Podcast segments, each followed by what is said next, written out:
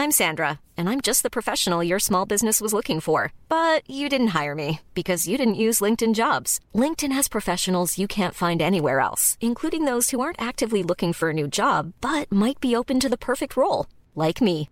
In a given month, over 70% of LinkedIn users don't visit other leading job sites. So if you're not looking on LinkedIn, you'll miss out on great candidates like Sandra. Start hiring professionals like a professional. Post your free job on linkedin.com/spoken today. Ryan Reynolds here from Mint Mobile. With the price of just about everything going up during inflation, we thought we'd bring our prices down. So to help us, we brought in a reverse auctioneer, which is apparently a thing. Mint Mobile unlimited premium wireless. Ready to get 30, 30, bit to get 30, bit to get 20, 20, 20, bit to get 20, 20, bit to get 15, 15, 15, 15 just 15 bucks a month. So, Give it a try at mintmobile.com slash switch. $45 upfront for three months plus taxes and fees. Promo rate for new customers for limited time. Unlimited more than 40 gigabytes per month. Slows. Full terms at mintmobile.com. Nice. Yeah. What you're hearing are the sounds of people everywhere putting on Bombas socks, underwear, and t-shirts made from absurdly soft materials that feel like plush clouds. Yeah, that plush. And the best part? For every item you purchase, Bombas donates another to someone facing homelessness. Bombas. Big comfort for everyone. Go to bombas.com slash ACAST and use code ACAST for 20% off your first purchase. That's bombas.com slash ACAST. Code ACAST. Hej och varmt välkommen till avsnitt 189. Innan vi drar igång vill jag presentera Karriärpodden och Women for Leaders samarbetspartner Volkswagen Group Sverige. Tack för att ni gör det möjligt att sända Karriärpodden. Så var det då äntligen dags. Dags för den superaktuella gästen Caroline Farberger att ta plats i poddstolen hos mig i Karriärpodden. Jag har tillsammans med många andra fascinerats över modet som hon visat när hon som den första högt uppsatta näringslivspersonen i Sverige tog klivet för två år sedan och genomgick en könskorrigering för att leva det liv som hon så länge velat men försökt förtränga. Nämligen att leva livet fullt ut som kvinna. Caroline berättar i det här avsnittet om hur hennes liv och karriär har formats från den manliga person hon en gång var med dubbla examina, kursetta i lumpen, konsultkarriär på prestigefyllda McKinsey och chefskarriär inom försäkringsbranschen på Trygg Hansa till att bli hennes riktiga jag, där hon nu för närvarande är VD på ICA Försäkring. Det här är ett samtal som handlar om vad som ligger bakom modet och personen, om hur lilla Kalle hade det och kände det och vad som var de avgörande stegen till det stora livsbeslutet. Vilka erfarenheter har hon samlat på sig med sitt unika perspektiv från både den manliga och kvinnliga sidan? Hur privilegierad inser hon att hon var som manlig chef? Och dessutom, hur ska man tänka för att bli en mer inkluderande ledare? Vi pratar förstås också mycket om hennes bok som nyss har kommit ut, Jag Caroline, som jag verkligen varmt kan rekommendera. Men här kommer nu avsnitt 189 med min gäst Caroline Farberger. Jag heter Eva Ekedal.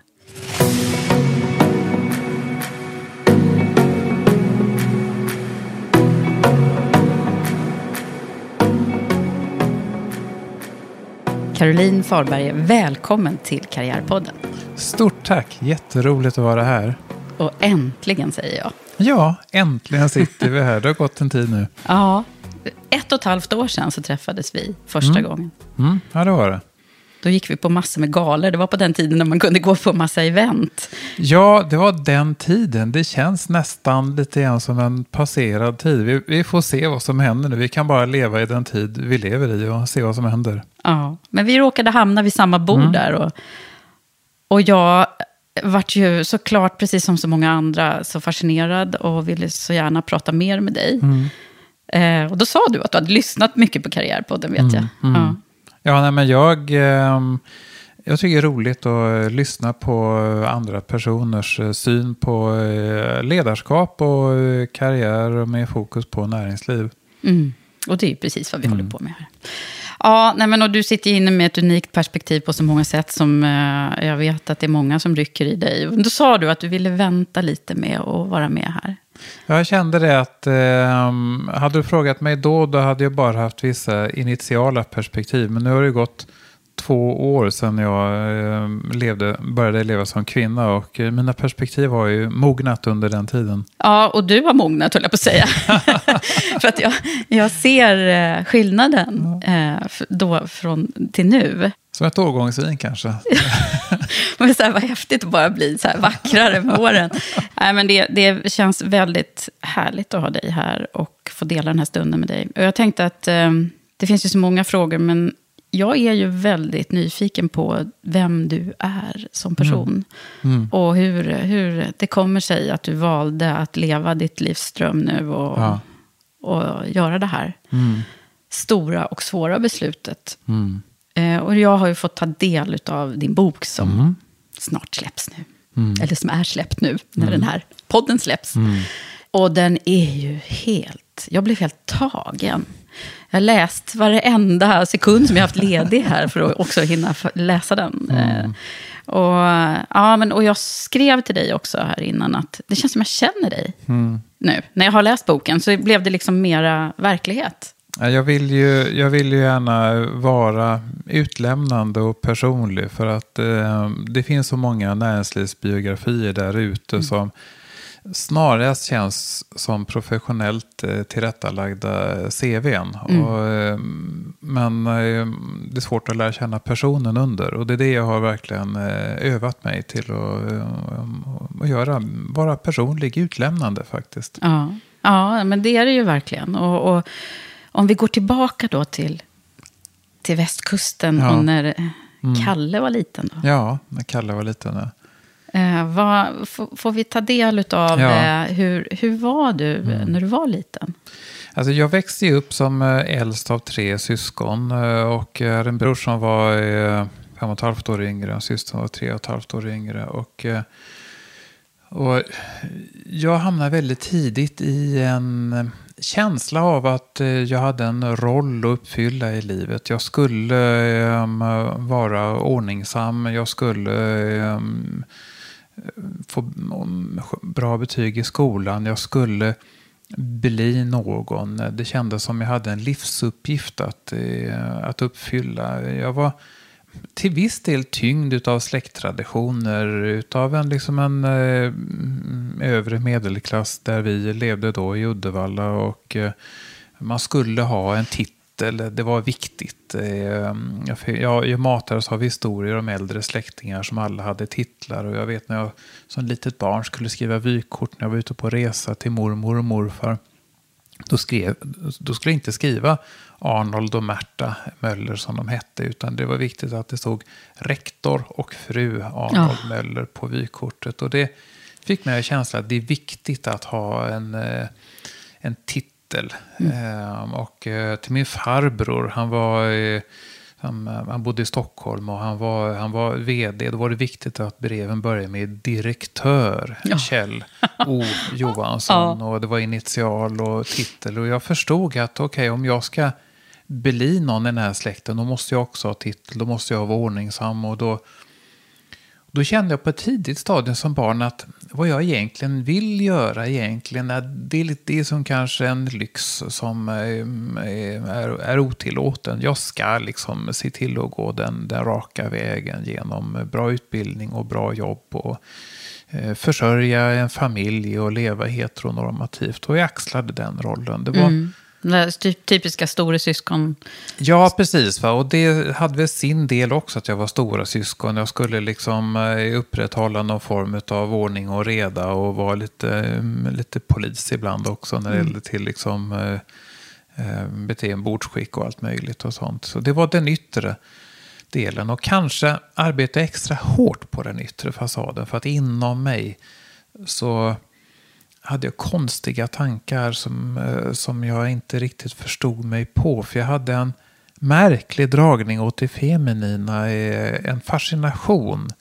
Och det är mycket kläder, har- och Ja, så ja. har jag förstått, som har Ja, betytt. kläder ja, precis. Eh, kvinnligt kodade kläder, framförallt klänningar. Och det började ju egentligen när kungen och Silvia gifte sig 1976. Eh, och jag var åtta år gammal då. Um, och jag bläddrade i veckojournalen som mamma hade köpt hem och tittade på det här reportaget med alla bröllopsklänningar, eh, eller ja, som, klänningar som bröllopsgästerna hade. Mm. Och jag förstod inte vad det var, men det bara högg tag i mig. Och jag fylldes av en känsla, oh vad fantastiskt det måste få vara att ha på sig sådana klädesplagg och känna sig så vacker. Och samtidigt kände jag en sorgsenhet att det där var inte för mig. Mm. För jag hade ju en roll att spela Mm. i livet, nämligen att vara en duktig pojke för att bli en duktig man och bli någon. Det var det ungefär som att jag såg livet som en teater där jag hade fått eh, liksom en, En karaktär, roll att spela. En roll att spela. Så att jag liksom mm, lovar mig själv, ingen ska få veta vilka inre strider jag har, för jag ska minsann kunna visa att jag, att jag kan uppfylla min roll här i livet. Så därför var det, satte jag kanske lite extra mycket på att få bra betyg i skolan. Jag var ju en klassens pluggis eh, hela grundskolan och eh, det var ordning och reda på alla fronter. Det var så det började. Mm. Det finns också en, en episod i boken där som du beskriver när, när du provade kläder ihop med två Ja, tjejkompisar. eh, och eh, det var i lågstadiet. Av, ehm, jag hade en eller två killkompisar men också två tjejkompisar i klassen eh, som bodde på samma gata. Och vi lekte en del ihop. eh, Och det var inte så viktigt för mig i varje fall på den tiden om jag hade tjejer eller killar som kom- kompisar. Men de här Elisabeth och Camilla, vi lekte en del utklädningslekar. Man hade så här maskeradlådor där våra föräldrar hade lagt undan lite avlagda kläder. Och vid ett tillfälle så, så så tyckte Camilla och Elisabeth att jag skulle prova en, eh, en klänning. Och den, det måste ha varit en liten storlek för den passade så väldigt bra på mig. Och- jag fylldes av en känsla av eufori som jag aldrig hade känt tidigare. Det var liksom som någonting bara kändes så rätt.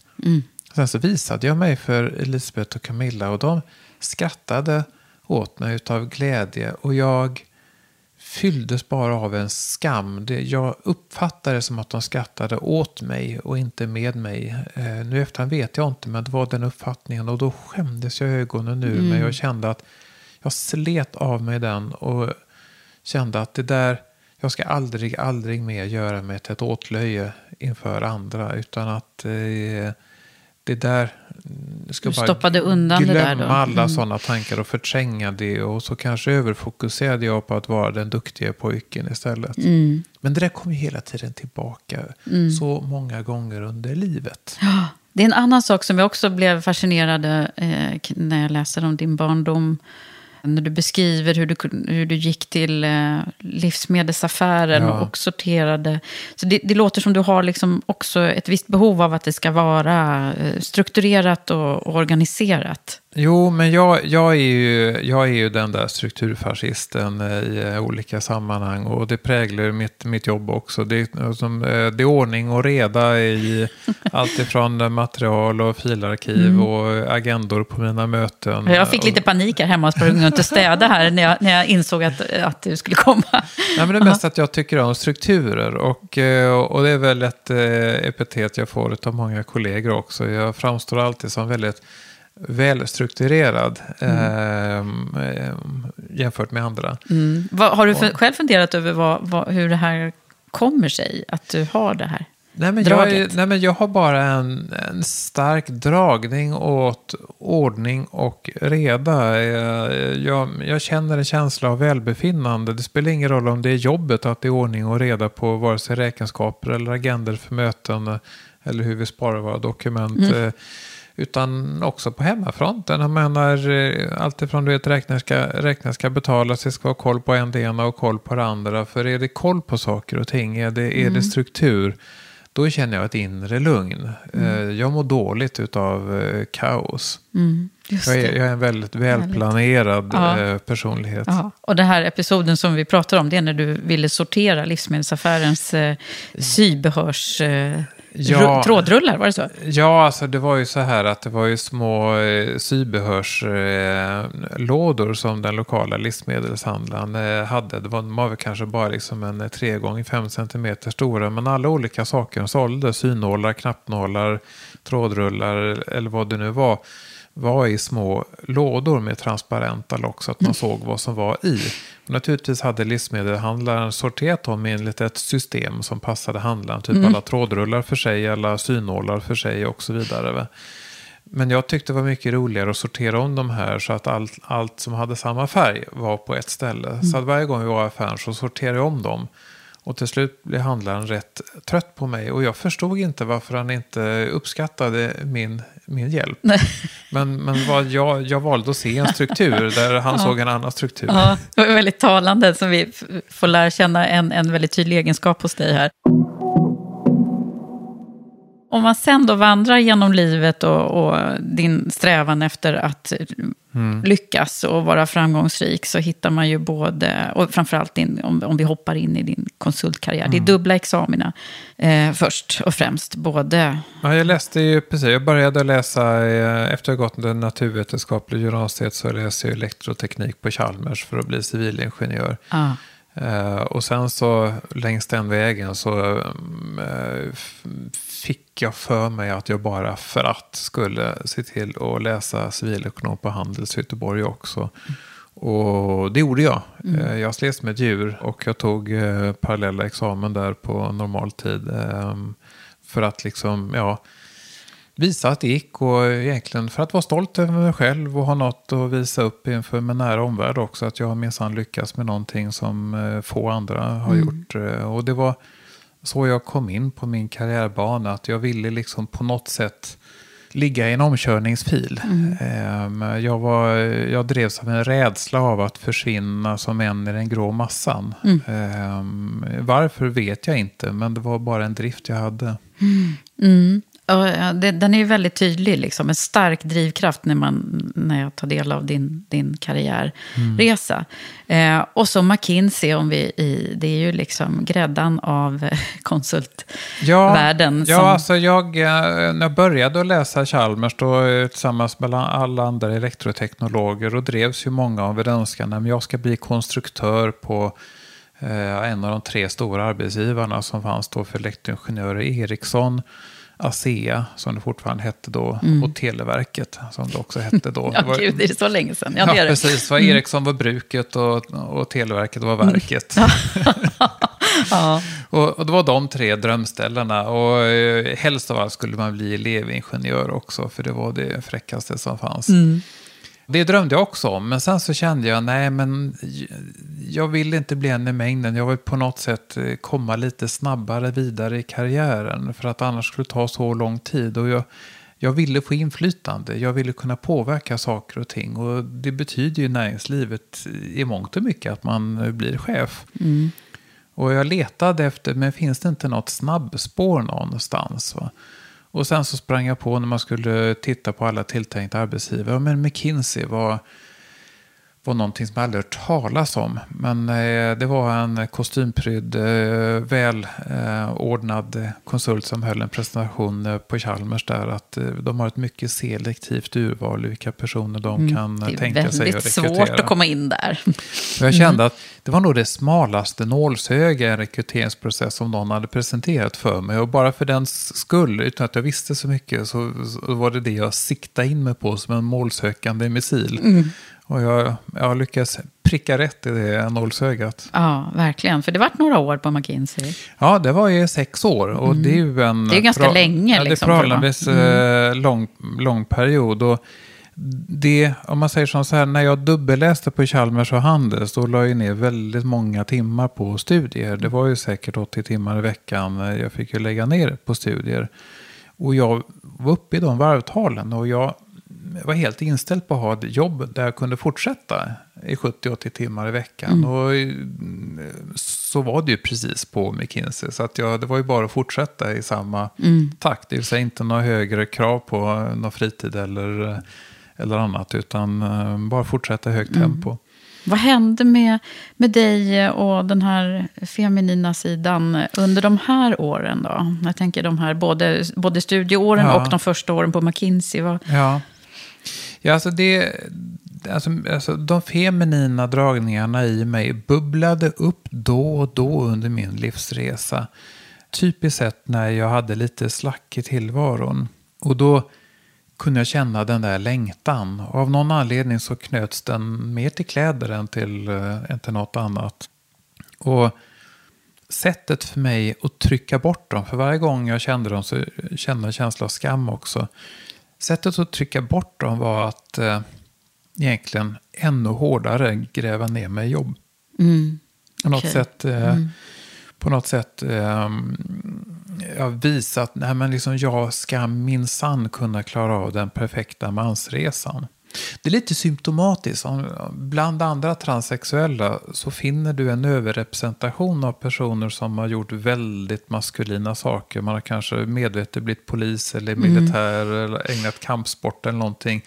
Så det, det, det, det hänger ihop med, eh, med profilen. Att, gå man- att man- all in på motsatsen vad man Ja, för egentligen... att liksom bevisa för sig själv liksom, att eh, det, det kan inte vara sant, eh, det jag, det jag känner inom mig. Nej, precis. Och det, det, det är också väldigt tydligt när man läser din bok att det är, att det är den vägen du går.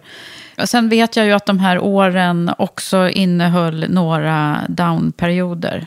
Ja, alltså jag, jag gick ju in i de här McKinsey-åren eh, som en målsökande eh, missil att eh, försöka avkoda systemet och ta reda på hur blir jag framgångsrik här. För det, var nog, det har nog varit symptomatiskt under många av mina år också. Att jag har väl kanske inte haft någon sån här välordnad tanke att på lång sikt vill jag göra det här. Jag har aldrig haft något så här tydligt mål med min karriär. Utan jag har egentligen bara velat hålla högt tempo för att komma vidare i någon bemärkelse. För att på sikt kunna ha en framskjuten position i näringslivet.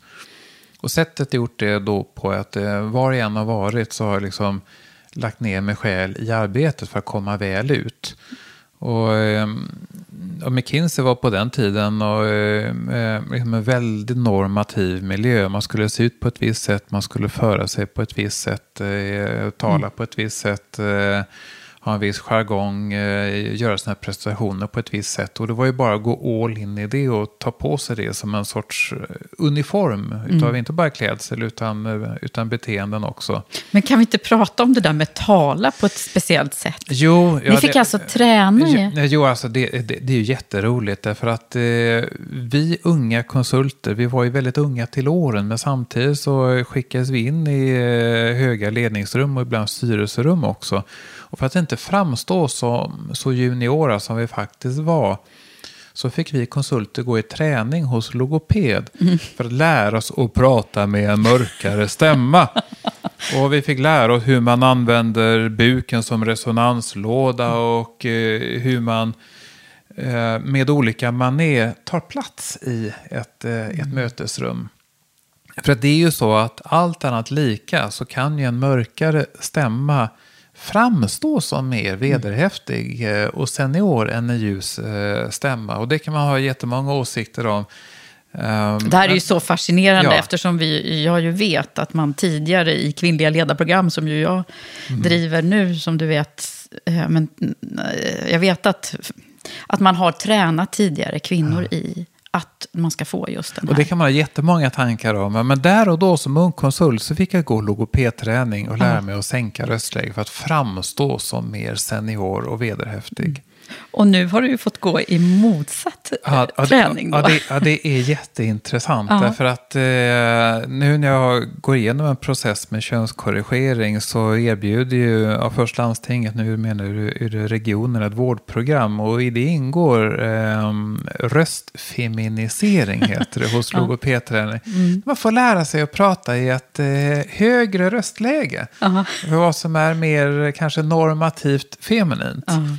Eh, och jag har väl... eh, Hur går det? jag, jag, jag, har, jag har landat i någonstans mitt emellan. Mellan, Eh, jag pratar inte längre i ett man... man men, men jag är heller inte inne i... Därför att skulle jag prata i ett så här ljus röstläget skulle det kännas konstlat både för mig själv och antagligen för min omvärld. Så att jag väljer istället och, Någon mittemellanläge Någon där. mittemellan och jag är helt bekväm med Ja, det. det låter, låter som du har landat på en, en bra nivå nu. Jag, jag bryr mig inte alls om att försöka på något sätt maskera mitt förflutna som en, eh, som en, i en manlig skepnad, utan eh, för jag är ändå så öppen i den. Va? Så att jag, Du skriver i din bok om det här. Jag har faktiskt tagit fram Ja. några, några grejer som jag själv tyckte var väldigt intressant. Och där skriver du just om röstträningen och att kvinnor talar generellt med lägre ljudvolym, men med tydligare artikulation och fler ord än män.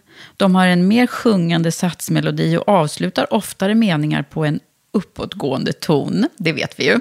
Men den avgörande skillnaden är röstläget. Ja. Så där, där har du har verkligen gjort en studie i det här, känner jag. Ja, men det, ja, men det jag har blivit, blivit tvungen att, liksom, att förstå det där. Eller i vart fall, jag, vad jag än gör så vill jag försöka förstå saker och ting och så avkoda eh, strukturen. Men att jag... Eh, nu är jag inte så bekymrad om mitt röstläge heller, utan jag, jag tar mig den fullständigt självklara rätten att vara den jag är, bete mig som den jag är. För att jag uppfyller ändå ingen norm i den jag är. Så då vill jag inte heller liksom söka någon ny norm, utan nu är jag bara precis den jag är. Ja. Och så får världen ta mig för den jag är. Så vill jag ju gärna att mina Tänk barn om ska känna alla också. bara kunde få vara så. Ja.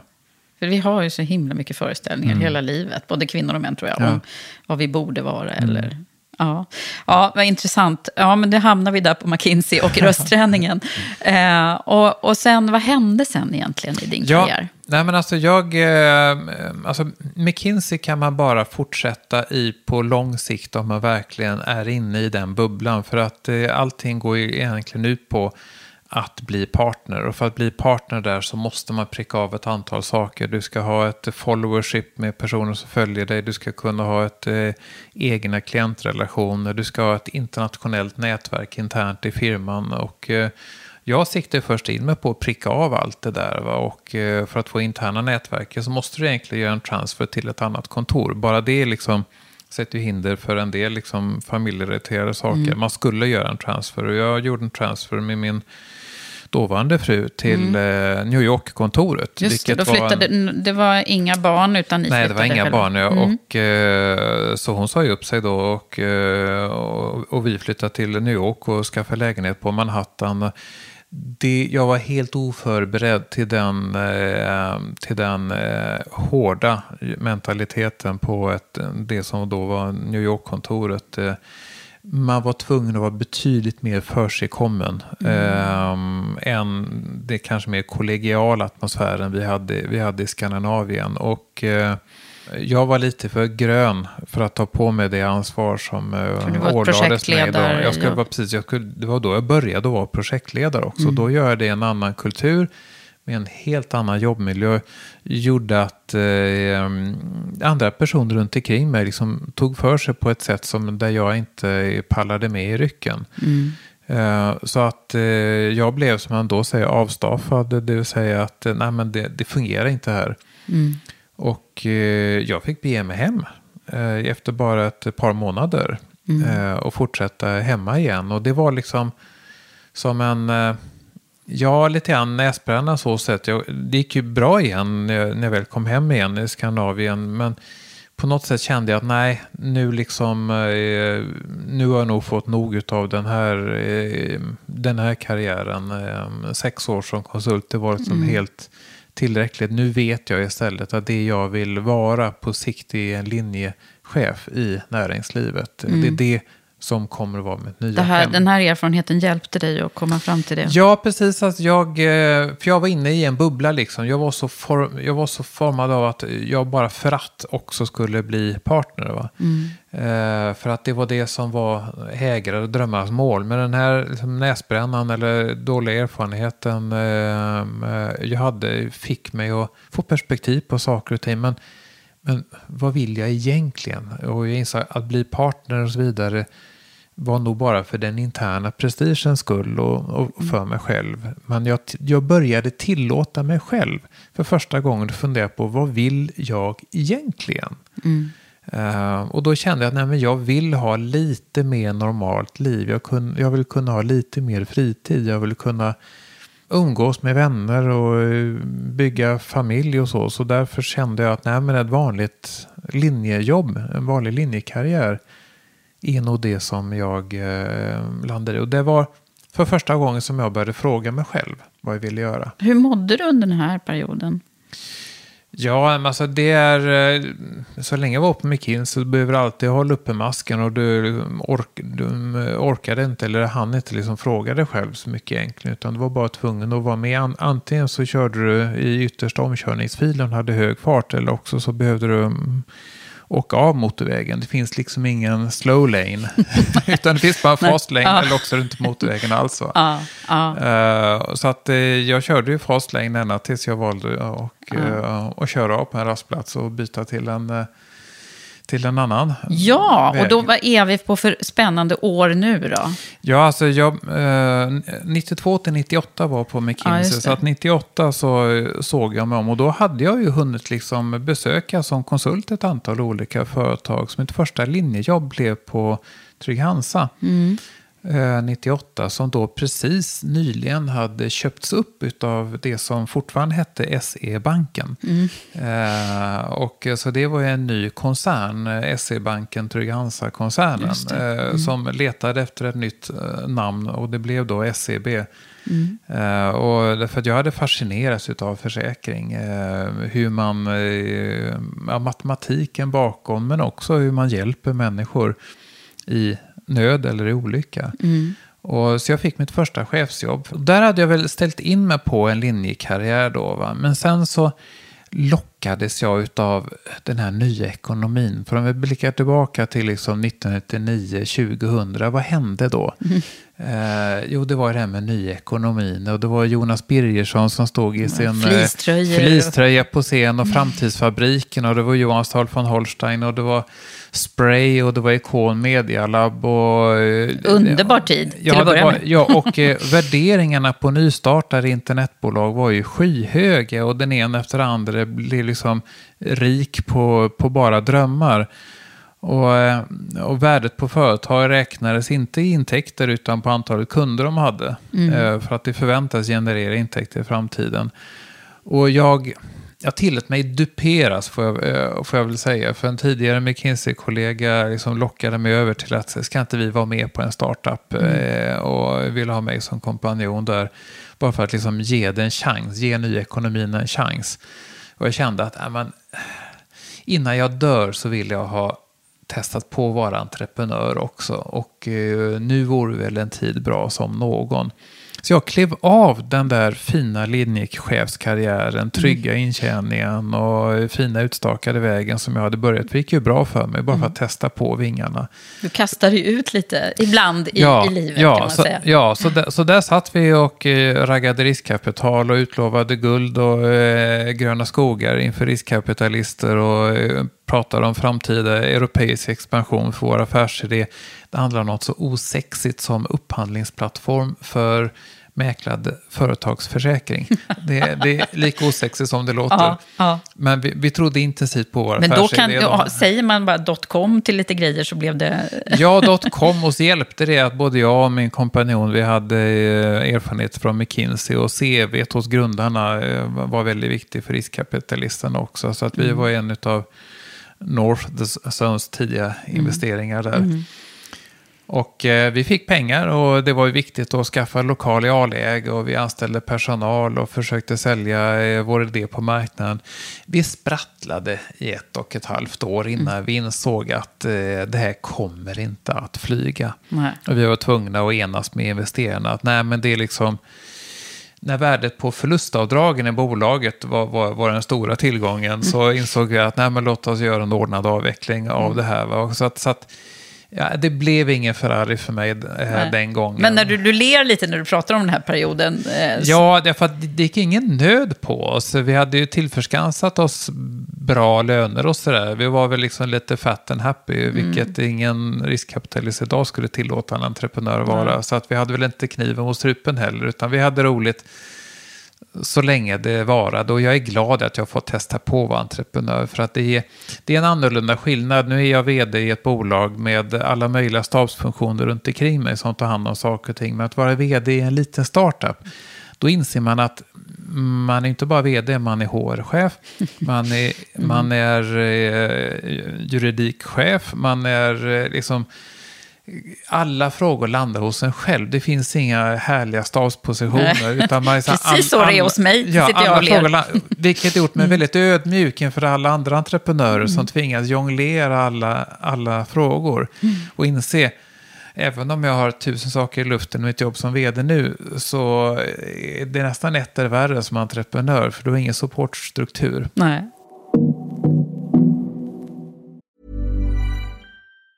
If you thought the only way to get a more defined jawline with natural looking results was through surgery, think again. Juvederm Volux XC is a non surgical injectable gel filler that improves moderate to severe loss of jawline definition and can help you achieve natural looking results with little downtime. Even better, this improved definition lasts up to one year with optimal treatment. No maintenance required. Improve jawline definition for a smooth, sculpted look with Juvederm Volux XC. For important safety information and to find a licensed specialist, visit juvederm.com. That's J U V E D E R M.com. Not for people with severe allergic reactions, allergies to lidocaine, or the proteins used in Juvederm. Common side effects include injection site redness, swelling, pain, tenderness, firmness, lumps, bumps, bruising, discoloration, or itching. There's a risk of unintentional injection into a blood vessel, which can cause vision abnormalities, blindness, stroke, temporary scabs, or scarring. Talk to a licensed specialist to find out if it's right for you. Hey, I'm Ryan Reynolds. At Mint Mobile, we like to do the opposite of what Big Wireless does. They charge you a lot, we charge you a little. So naturally, when they announced they'd be raising their prices due to inflation, we decided to deflate our prices due to not hating you. That's right. We're cutting the price of Mint Unlimited from $30 a month to just $15 a month. Give it a try at mintmobile.com slash switch. $45 upfront for three months plus taxes and fees. Promo rate for new customers for limited time. Unlimited more than 40 gigabytes per month. Slows. Full terms at mintmobile.com. Ready to pop the question and take advantage of 30% off? The jewelers at BlueNile.com have got sparkle down to a science with beautiful lab grown diamonds worthy of your most brilliant moments. Their lab grown diamonds are independently graded and guaranteed identical to natural diamonds, and they're ready to ship to your door. Go to BlueNile.com to get 30% off select lab grown diamonds. That's BlueNile.com for 30% off lab grown diamonds. BlueNile.com. Hiring for your small business? If you're not looking for professionals on LinkedIn, you're looking in the wrong place. That's like looking for your car keys in a fish tank. LinkedIn helps you hire professionals you can't find anywhere else, even those who aren't actively searching for a new job but might be open to the perfect role. In a given month, over 70% of LinkedIn users don't even visit other leading job sites. So start looking in the right place. With LinkedIn, you can hire professionals like a professional. Post your free job on linkedin.com slash spoken today. Since 2013, Bombas has donated over 100 million socks, underwear, and t-shirts to those facing homelessness. If we counted those on air, this ad would last over 1,157 days. But if we counted the time it takes to make a donation possible, it would take just a few clicks. Because every time you make a purchase, Bombas donates an item to someone who needs it. Go to bombas.com slash ACAST and use code ACAST for 20% off your first purchase. That's bombas.com slash ACAST, code ACAST.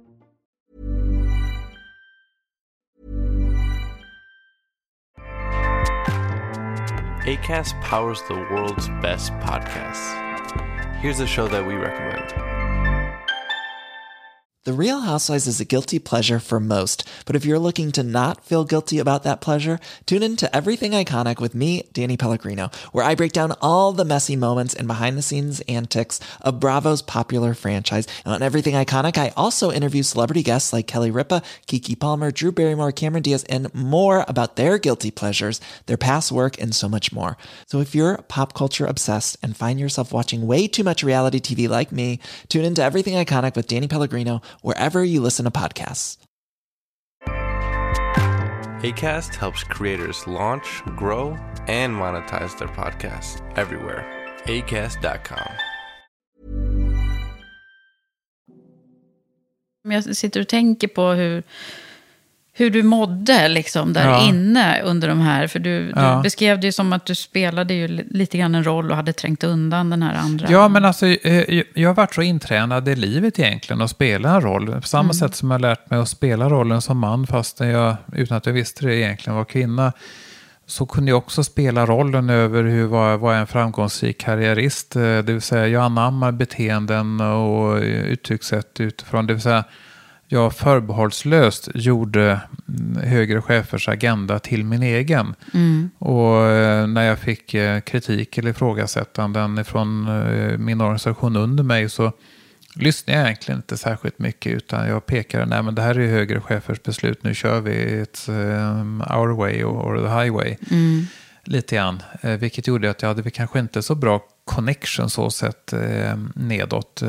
Men gengäld så hade jag stark politisk förankring uppåt. Mm. Vilket eh, var väl det spel som man kan välja att spela om man till varje pris vill eh, försvara sin egen position och till varje pris eh, komma väl ut i ett system. Vad tänker du när du pratar om det här nu? Nej, men jag, jag är glad att jag kan se på det med perspektiv. För att eh, min integritet skulle inte tillåta mig att gå tillbaka till en sådan eh, miljö. För att min känsla för vad som är rätt är så mycket starkare. Mm. Om någon, exempelvis om någon högre chef eh, fäller ett plumpt skämt om eh, kvinnor eller någon Mm. annan minoritet. Eh, det politiskt korrekta där och då hade ju varit att skratta med alldeles av ren reflex bara för att eh, det ökar sannolikheten till, till befordran. Mm. Men att jag idag känner mig betydligt starkare att kunna säga ifrån där och då. Mm. Även om det Är skulle det i egenskap av att du är kvinna nu? Eller? Nej, jag, jag, nej alltså, det började redan innan eh, det. Men att jag, en livsmogenhet, att min känsla för att eh, ja, etik och moral, eller min moraliska kompass, känns så mycket starkare nu. Mm. För det handlar om att, att göra rätt, Mm. även när ingen annan ser på.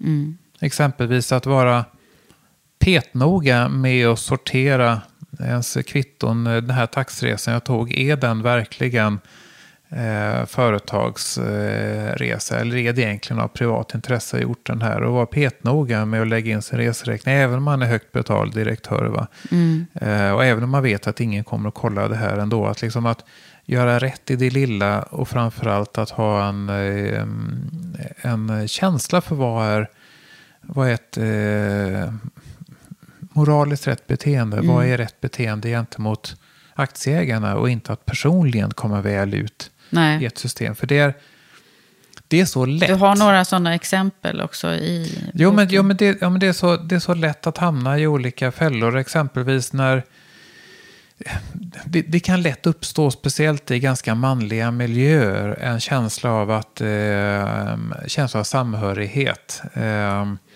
exempelvis, ju högre chef du var, desto större tjänstebil kunde du skaffa dig och förväntades du nästan eh, skaffa dig också för att inte liksom störa någon sorts harmoni. Så när jag skulle skaffa en ny tjänstebil och mina kollegor på samma nivå hade BMW och Audi en viss eh, nivå så valde jag, nej men det känns inte i tiden. Jag, jag, eh, jag vill ha en laddhybrid och det här var väl en eh, tio år sedan eh, nu. Mhm, Då var, då var det var ganska, tidigt. Väldigt nytt va? Så, Ja. så jag skaffade då en sån här Toyota Prius. eh, Hur liksom ohipp som helst. Mm.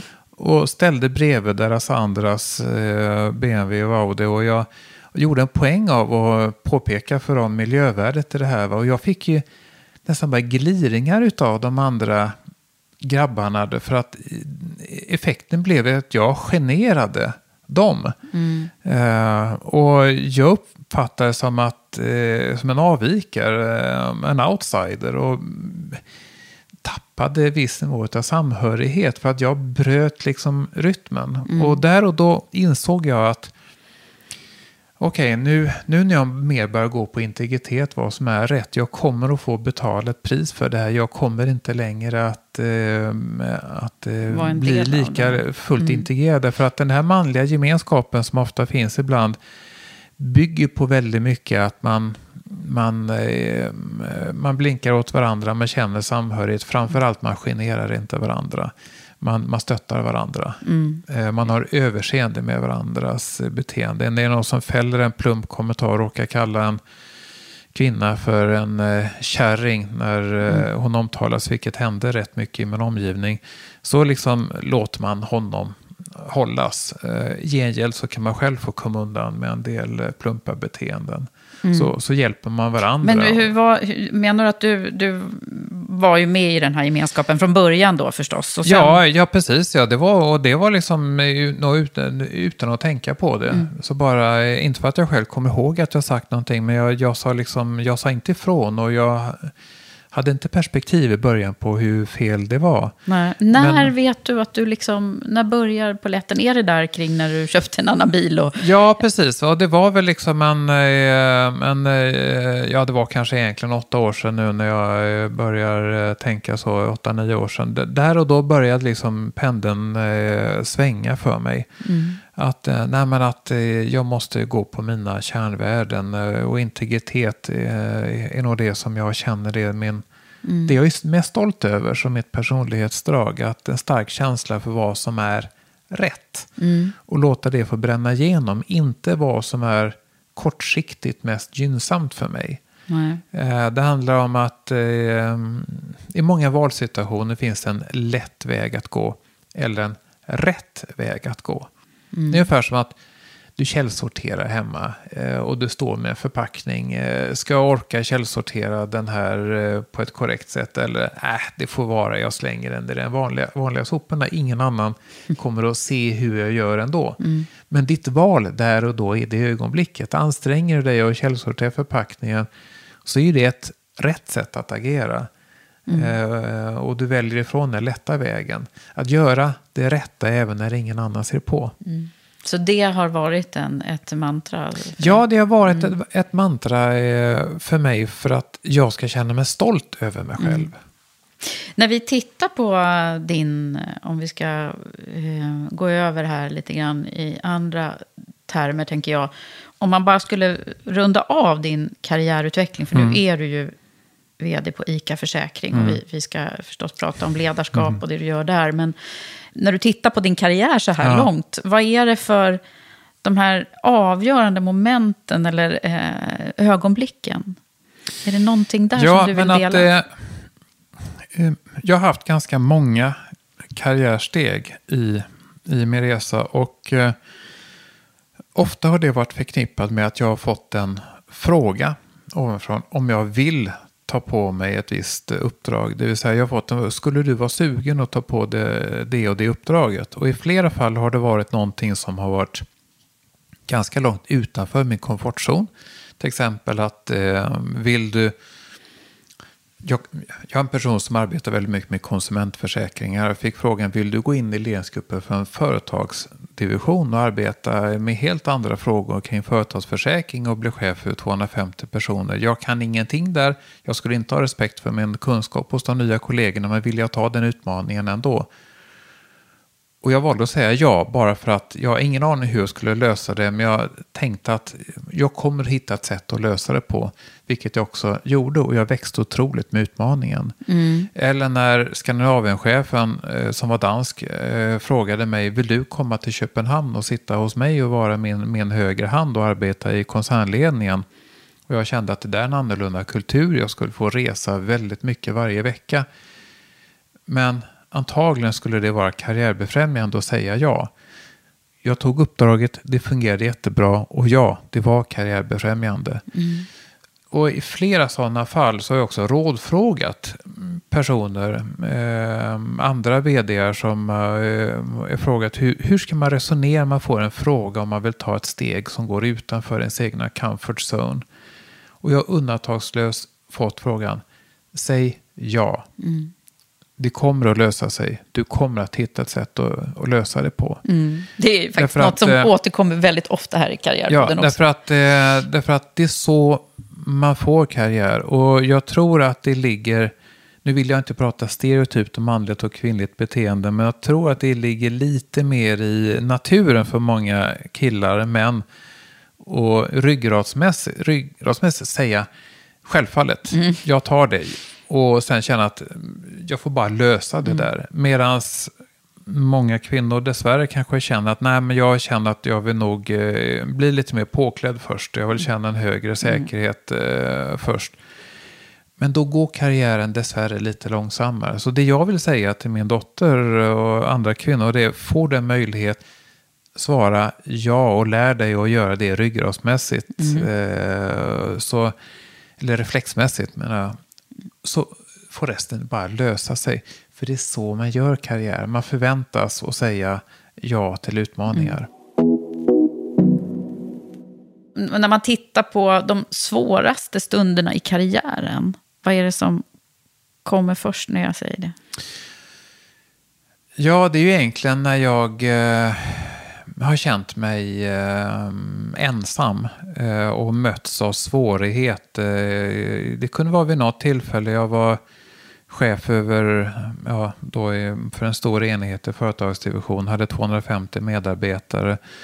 Och eh, hela koncernen drog en väldigt tydlig kulturell styrning åt det, från det gamla svenska till det internationella, danska och eh, brittiska. Och det var många i min ledningsgrupp som inte ville vara med på den resan.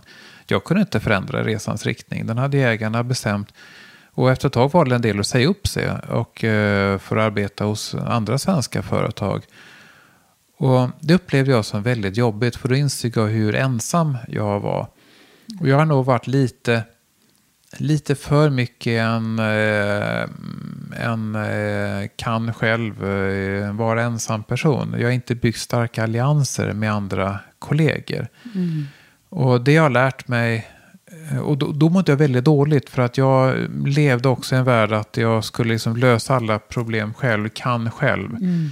Och eh, jag satt sent på kvällarna och gjorde upp olika to-do-listor vad jag skulle göra. Och det var, det var nästan bara mitt namn på alla actions också. uh. Och jag hade inte lärt mig då att eh, ta hjälp av andra. Och jag hade inte lärt mig att underhålla kollegiala relationer bara för att. Mm. Vilket jag nu inser Man kan ha glädje av varandra. Ja, och det, mm. det, det, är nu jag inser värdet av det. Mm. Att eh, faktiskt bygga starka relationer i en organisation som man kan använda när mm. man väl behöver dem. Mm. Innan såg jag liksom, ja, kan, kan själva. Mm. Och det, det, det skulle, hade jag önskat eh, att jag hade kommit till insikt om tidigare. Mm. Bygg relationer, inte för att vara taktiskt eller politiskt smart utan för att faktiskt eh, hjälpa varandra när man har det riktigt jobbigt. Mm. Privata Caroline under de här ja. åren då, då var det eh, en skilsmässa? Ja, precis. För jag hade först ett äktenskap utan barn eh, och som till, som, det var ju under McKinsey-tiden. Eh, men, eh, men, men det varade bara två år efter McKinsey-tiden. Mm. Så att kring när jag höll på som mest i min dotcom-sväng. Det var då jag var nybliven singel också. Och mm. Eh, väldigt mycket sökande. Eh, vem är jag? Vad vill jag göra? Ehm, och Ehm, så jag var väldigt intensivt ute på den här datingmarknaden. Ja. Och kring 2001 och 2002, det var precis då den här internetdating hade börjat. Ja. Eh, och det var spraydate och love search och, och vad det nu var. Och eh, det var fortfarande lite halvsuspekt sådär. Ehm, mm. Vad träffar någon på internet. Det fick man höra. Det är liksom, ja. det var, vad är det för det os oseriöst? Ja. ja, krogen var liksom annars eh, mm. det viktiga. Uh, men, uh, men sen så träffade jag ju min, uh, min, min, fru Ylva på, på Spraydate. och vi dockade ihop rätt fort. Mm. och vi var båda inställda på ett väldigt liksom eh, villa, Volvo, Vovi-liv. Mm. Så, att, så att vi köpte väldigt snabbt en, eh, en villa i Sollentuna och, eh, och skulle bygga på mm. resan. Hon var ju datakonsult eller systemutvecklare. Ja, ni enades lite där i lite så här KTH. ja, precis. Bägge, bägge elektroingenjörer. Ja, mm. Så vi fann varandra väldigt, väldigt fort. Och sen så fick vi jobba väldigt hårt för att få det en för att få våra eh, barn. Eh, ja, det gör ont i mig varje gång någon använder uttryck som skaffa barn. Mm. För det, det, är verkligen en gåva. Vi fick jobba väldigt, väldigt mm. hårt eh, med många sådana här IVF-försök. Men till mm. slut så fick vi hör och häpna, tvillingar. Ja. Och vi var så glada åt dem så att eh, så att Ylva hon valde att eh, faktiskt eh, vara hemma mm. eh, sen dess. Och, och där skäms jag väl också. Att, för det var precis när jag liksom eh, hade fått eh, nytt jobb eh, på, som koncernchefens högra hand i Köpenhamn och så vidare. Och jag, gjorde ont i magen att blotta tanken på det här med att vara pappaledig och vabba och så. För att jag, det fanns ingen i min häromgivning på den höga ledningsnivån som, eh, som gjorde det. Och framförallt i Danmark. Vabb, det, liksom, mm. det, det fanns inte. Mm. Och jag var livrädd för att halka efter i min professionella utveckling eller tappa min position. Tänk om man ska vara föräldraledig och skulle någon annan träda in i min position. Tänk om jag inte kunde komma tillbaka. Mm.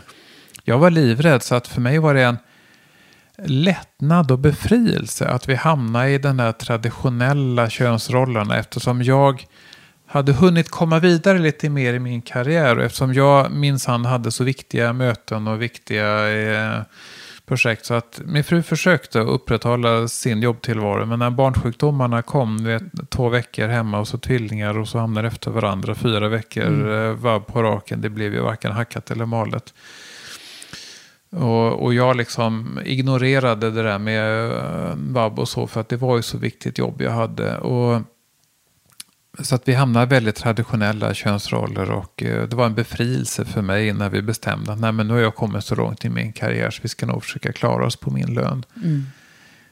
Men Ylva är väldigt viktig för dig? Ja, nej men alltså vi skulle ju liksom, eh, tillvaron skulle aldrig ha fungerat så smärtfritt för mig om det mm. inte så att vi liksom hade haft den här väldigt traditionella uppdelningen. Mm. Jag skäms för det idag. Det, mm. det, det är ingenting jag är stolt över. Men, Nej, jag, jag smålog lite. Jag faktiskt, det är en av de citaten från boken som jag har, som jag har klippt ut här. För det var, jag kände igen det själv nämligen väldigt mycket.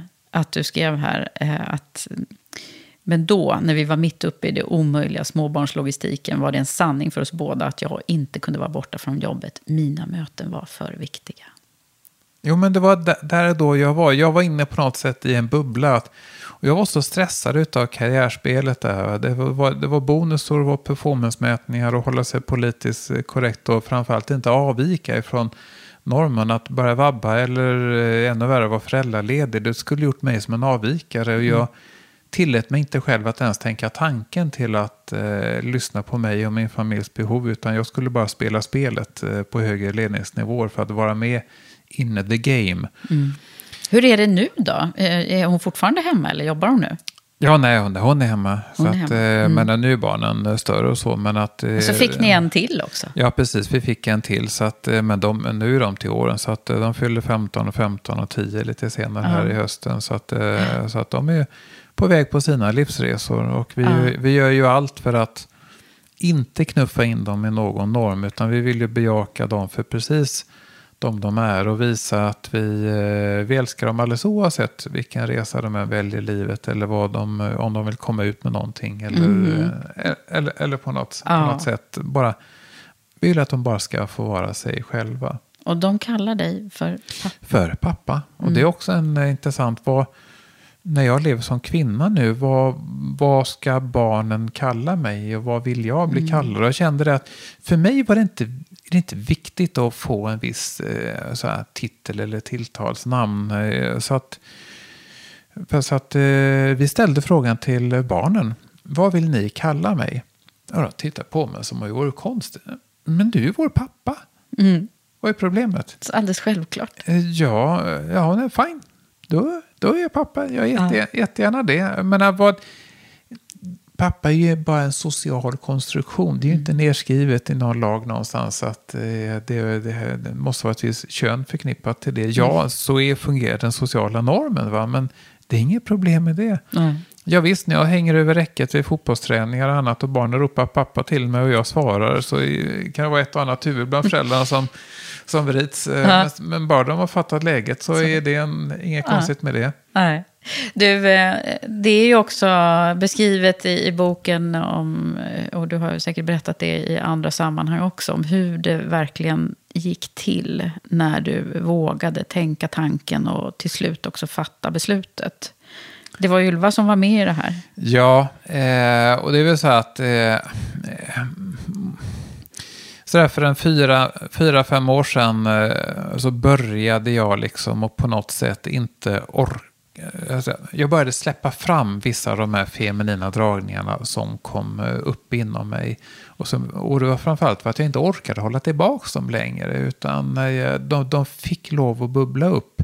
Då blev det sådana saker som att jag kände en intensiv längtan och var hårfri på armar och ben. och vaxade mig och skaffade epilator och grejs. Mm. Och bara för att jag kände för det starkt och jag ville inte, orkade inte tänka tanken på eh, vad det betydde i förlängningen. Och när jag valde lite kläder så skruvade jag det hela lite grann. Istället för att ha en, eh, en polotröja i bomull i en lös storlek så valde jag kanske en i polyester och lite tajtare modell. Eh, och, mm. och kanske lite träningskläderna var lite tajtare än vad de var innan. Och jag jag tillät mig inte mig själv att lägga ihop pusselbitarna. Men eh, min fru, det bara liksom hände det, för det dig? Bara, ja, det bara mm. hände. Men min fru la ihop pusselbitarna. Mm. Uh, och ställde mig en fråga en helt uh, vanlig kväll. för um, Och det var ju för en uh, snart fyra år sedan nu. Mm. en vanlig kväll. Vill du egentligen vara tjej? Det är ju en ganska dramatisk ja, fråga. Och jag, hon jag, hade aldrig pratat om det nej, innan. Nej. nej. Och jag slog ifrån mig ryggmärgsmässigt, rygg, reflexmässigt så sa jag nej absolut inte. Varför tror du det? Mm. Och, men sen påbörjade en mental process i mig. Men tänk om det är någonting åt det hållet. Men, och varför håller jag tillbaka det? Jo, jag insåg ju att vad som höll tillbaka var att jag var rädd för konsekvenserna, som att öppna en Pandoras ask. För tänk om det skulle visa sig att jag faktiskt har någon sån dragning. Vad skulle konsekvenserna bli? Skulle jag tappa tillhörighet? Skulle jag hamna i utanförskap? Skulle jag tappa familj? Skulle jag tappa eh, social ekonomisk status? Jag var livrädd vid blotta mm. tanken. Mm. Så jag ville inte eh, inse konsekvenser. Men samtidigt insåg jag att men jag har ju lovat mig att vara integritet och sann mot mig själv och så. Så jag hamnade lite i grubbler. Hade du gått i terapi och sådär innan här? Nej, inte, ingenting om någonting sånt här. Utan här bar jag djupt inom mig. Men sen så gick det efter två månader så ställde min fru samma fråga igen. En helt vanlig kväll. Vill du egentligen vara tjej? Och då när jag fick frågan så insåg jag att det var ju faktiskt en livlina. Det vill säga att eh, en acceptans från hennes mm. sida att jag faktiskt liksom utforskar den saken. Och då kände jag att det här är för bra möjlighet för att, för att säga nej till. Så att mm. jag svarade precis jag kände då. Jag vet inte, men jag måste kanske undersöka det. Mm. Hur kändes det när du hade sagt det? Svindlande. Mm, eh, svindlande. Eh, men det var jobbigt för oss bägge. För att för mig innebar ju starten på en eh, väldigt djuplodad mental process. Men också lika svindlande för min fru också. För att eh, samtidigt som hon ville att jag skulle eh, vara ärlig mot mig själv. Så, så var det en farhåga från hennes sida. Vart, vart ska det här egentligen mm. sluta? För vi var ju väl invanda vid hur saker och ting var. Mm. Och en sån här sak, det är ganska dramatisk förändring. Mm. Så därför påbörjade jag våren 2017 och började experimentera med könsuttryck. Mm. Och då, så det, från början var det med kläder? Och... Ja, och eh, nätverka hos andra personer som är liksom transpersoner då, för att försöka lära känna dem. Hur vet man egentligen vilket mm. kön man har? Mm. Det, för de flesta är det, vad, vad är det för fråga? Men, men det, är, det är egentligen ganska viktigt, för hur mm. vet man vilket kön man har? Mm. För könsidentitet, det är ju eh, väldigt likt eh, sexuell läggning på så sätt att det är någonting som är hårdkodat inne i huvudet, men det syns inte utanpå. Mm.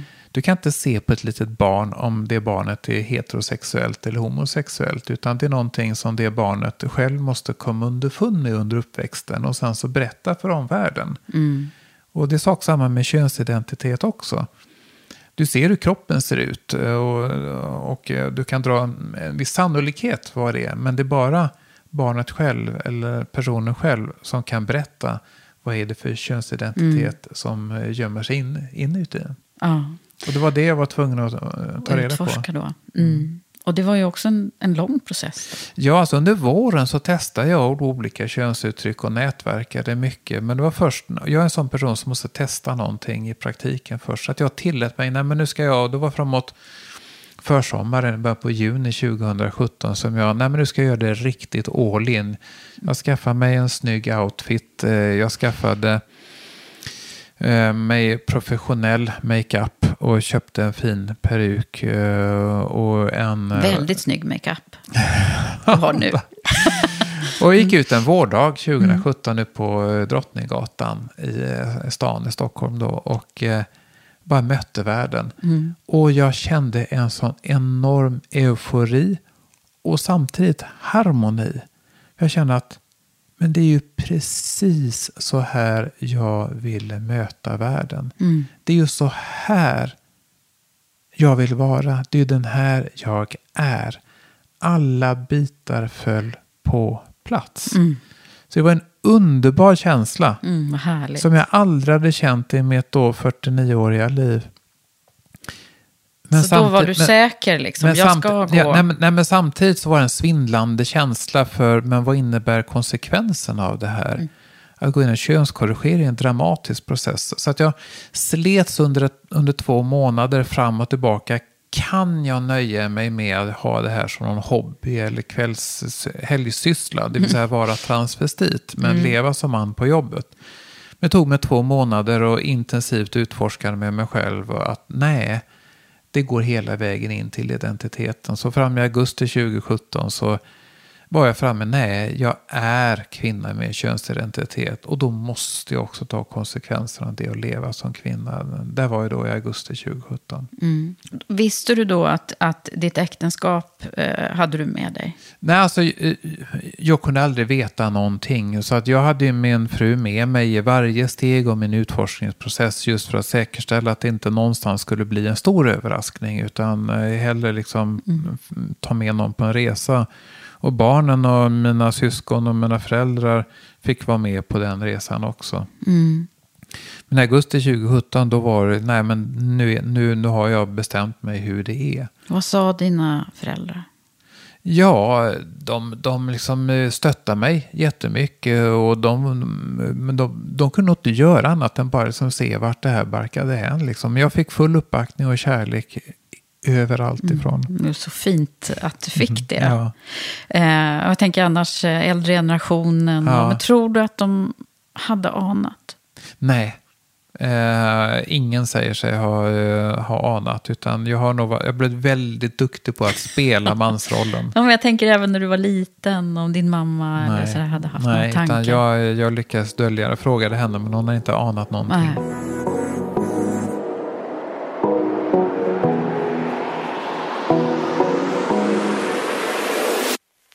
Och hur gick det med jobbet? Det gick fantastiskt bra. Men där jag var i augusti 2017 tänkte jag, jag är den planerande och strukturerande personen. Så jag kände att för att det här ska bli bra så måste jag ha en jättebra plan.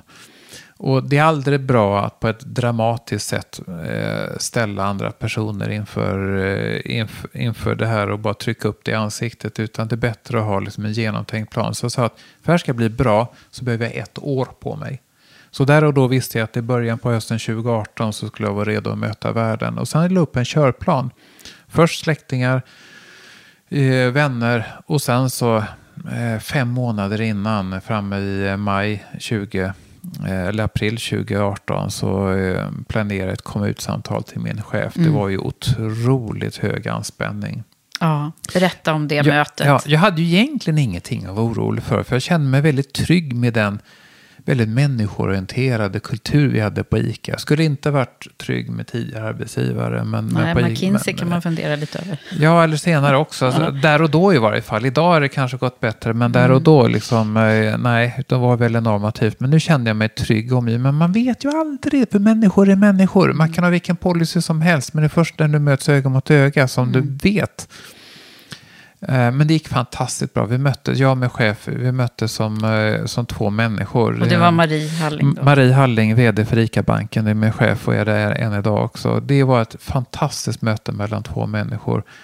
Och hon sa att självfallet ska vi kroka arm med varandra och göra det här till en riktig framgång. Hade hon anat någonting? Nej, Nej. nej. inte någonting.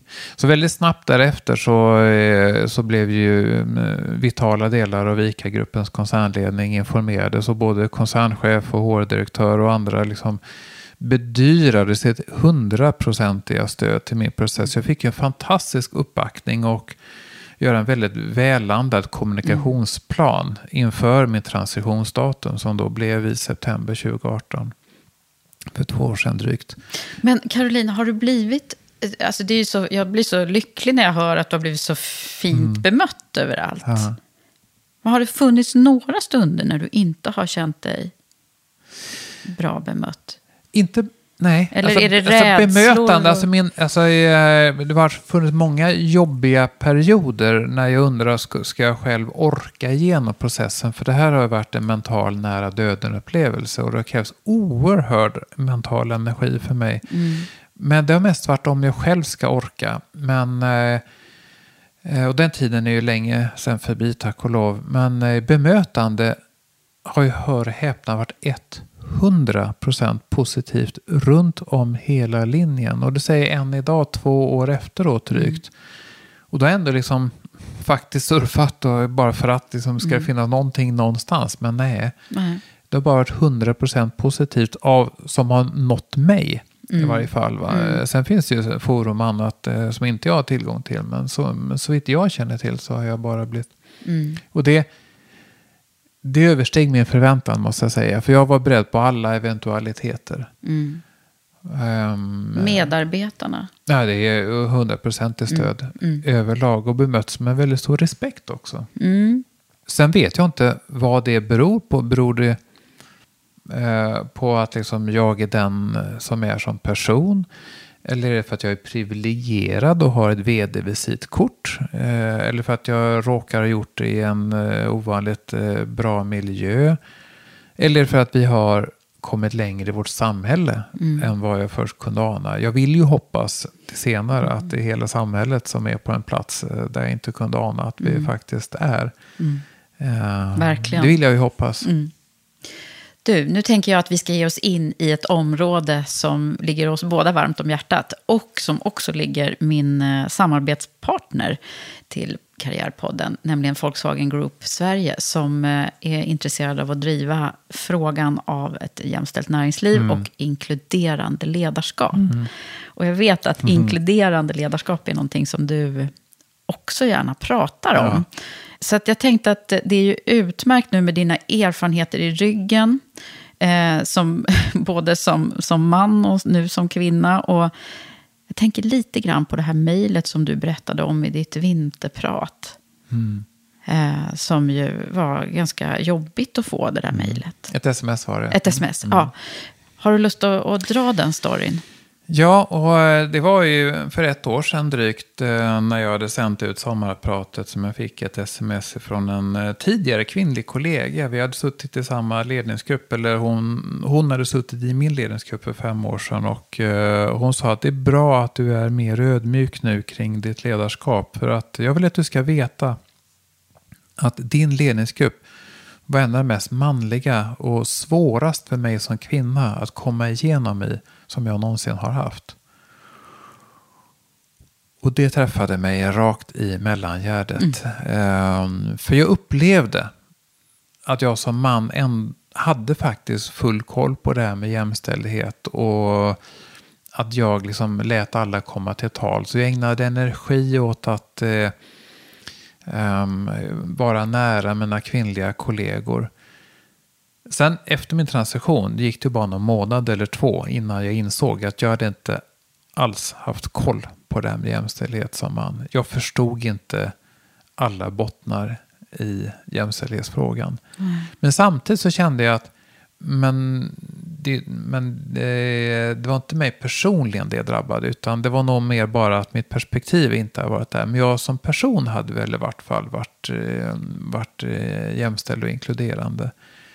Men det här smset tog ju bort alla villfarelser. Jag personligen hade medverkat till en exkluderande kultur. Så vi hade bra samtal om vad var det egentligen jag gjorde och det var en väldigt stark reality check. För att jag hade lärt mig att koda av karriärspelet. Att eh, man, för att vinna respekt och gehör och få befordringar så skulle man framstå som handlingskraftig. Så är det i många organisationer. Hur är man då handlingskraftig? Jo, man har starka åsikter om saker och ting. och man fattar snabba beslut. Det brukar ge bra karriärpoäng. Så jag inledde ofta mina ledningsgrupper med att vara väldigt tydlig på min åsikt på frågan som skulle diskuteras. Mm. Och sen hade jag ju lärt mig reflexmässigt att eh, om jag sen vände blicken till de kanske två män som var som mig, funderade som mig, resonerade som mig, Excel och siffror med andra ord, mm. och lät dem komma till tal så var vi snabbt tre personer som hade sagt ungefär samma sak. Och sen kanske jag lät blicken svepa ut över resten av rummet. Eh, är det någon annan som har något att säga, inklusive ett par kvinnor där? Och jag fick kanske bara vänliga leenden till svar. Och jag tyckte där och då att nu har vi haft en bra diskussion. Flera har kommit till tal så nu fattar jag ett snabbt beslut så går vi vidare. Och så var jag väldigt självgod. Mm. Det jag fick höra var att det spelar ingen roll vad jag tyckte. Du bara satt och bekräftade dina, dina favoriter i mötet. Och hade jag sagt min mening hade du bara kört över mig med mm. ditt eh, faktabaserade resonemang och siffror där du vet att jag inte är hemma. Och dessvärre var det så jag betedde mig. Mm jag ville vinna mina argument för sakens skull och då valde jag kanske att överdrivet skjuta diskussioner vidare till något område som jag visste var min hemmaplan. Excel och siffror hänvisa till någon komplicerande omständighet som min eh, meningsmotståndare inte hade kompetens på. Och sen så kanske jag eh, använde min inövade basröst och höjde röstläget eh, och implicit pekade på gradbeteckningarna på mina axelklaffar och så var den diskussionen avslutad. Ah. Och jag skäms ögonen ur mig. Men jag är glad att jag kommit till insikt om det här. Men jag ser fortfarande många år kvar och ge tillbaka i näringslivet. Ja, men det har du ju verkligen. Och du driver de här frågorna nu också internt hos er. Ja, precis också. För att, för att jag... Mitt perspektiv på jämställdhetsfrågan har ändrats ganska betydligt. Jag, jag var nog fast i som man jag tror många andra män är, att det här är någon form av statistikspel. Att det, det handlar bara om att det för syns skull ska finnas eh, viss andel kvinnor mm. i olika ledningsgruppsnivåer. Och sen är man home free, då har man prickat av den frågan. Men vi aldrig fattade då, men som man brinner för nu, att det är ju inte den statistiska jämställdheten som eh, värdet sitter. Värdet sitter av att faktiskt ha en inkluderande kultur där vi använder den fulla kompetensbasen. Där vi faktiskt eh, låter eh, all kompetens runt bordet komma till tals och använder den, lyssnar på den och använder den i vårt beslutsfattande. Problemet är att då blir det jobbigt för att då måste ju normen i mångt och mycket vita medelålders män i näringslivet faktiskt ändra på sig. Och vara medveten om sina egna beteenden och mm. vara medveten om hur, vilken roll de behöver spela. Hur ska vi få dem att bli så här medvetna utan att kanske behöva gå igenom hela den här transformationen? Ja, ja, ja, ja det, man ska inte behöva genomgå en könskorrigering för att komma till den här insikten. Det borde finnas en enklare en väg. enklare väg. ja. Nej, men jag, jag, är väldigt upptagen med den här frågan själv faktiskt. Därför att, eh, och jag har ju också, som, eh, som du kanske har sett nu, börjat inkludera ett antal män som vill ja. komma hit och ja. också prata om deras insikter längs ja. vägen. Jag måste ha ett citat till från boken. Och det är när du tipsar. Tips från Caroline till Kalle. och då, då är det ju det här med när någon annan pratar, det som du är inne på nu egentligen. Då skriver du så här. När någon annan pratar, fråga dig själv om du verkligen lyssnar på mm. vad hen har att säga. Eller om bara du mentalt prickar av att ännu en deltagare har fått komma till tals. Hur du väljer att bete dig i en sån situation kan göra hela skillnaden mellan ett bra och ett dåligt resultat. Helt riktigt. Det där är, tycker jag, mitt i prick. För många gånger så tror jag att det, alltså det är ju både män och kvinnor som kan fundera över det här. Mm. Gör man det liksom medvetet eller? Ja, och där nyckeln tror jag för också då män att eh, vara med på tåget är att inse affärsvärdet av inkludering. För att det fanns en tid då vi i traditionellt företagande liksom, eh, eh, kunde nöja oss med att samla en ledningsgrupp av likatänkande män och fatta ganska likriktade beslut med låg grad av kreativitet. Men med de utmaningar vi som näringsliv står eh, inför nu med ökat konkurrenstryck, högre krav på innovationsnivå så måste vi för att klara konkurrensen använda hela kompetensbasen. Vi måste börja med att rekrytera brett och befordra Mm. brett så att vi bemannar våra ledningsgrupper och projektgrupper med en bred kompetensbas.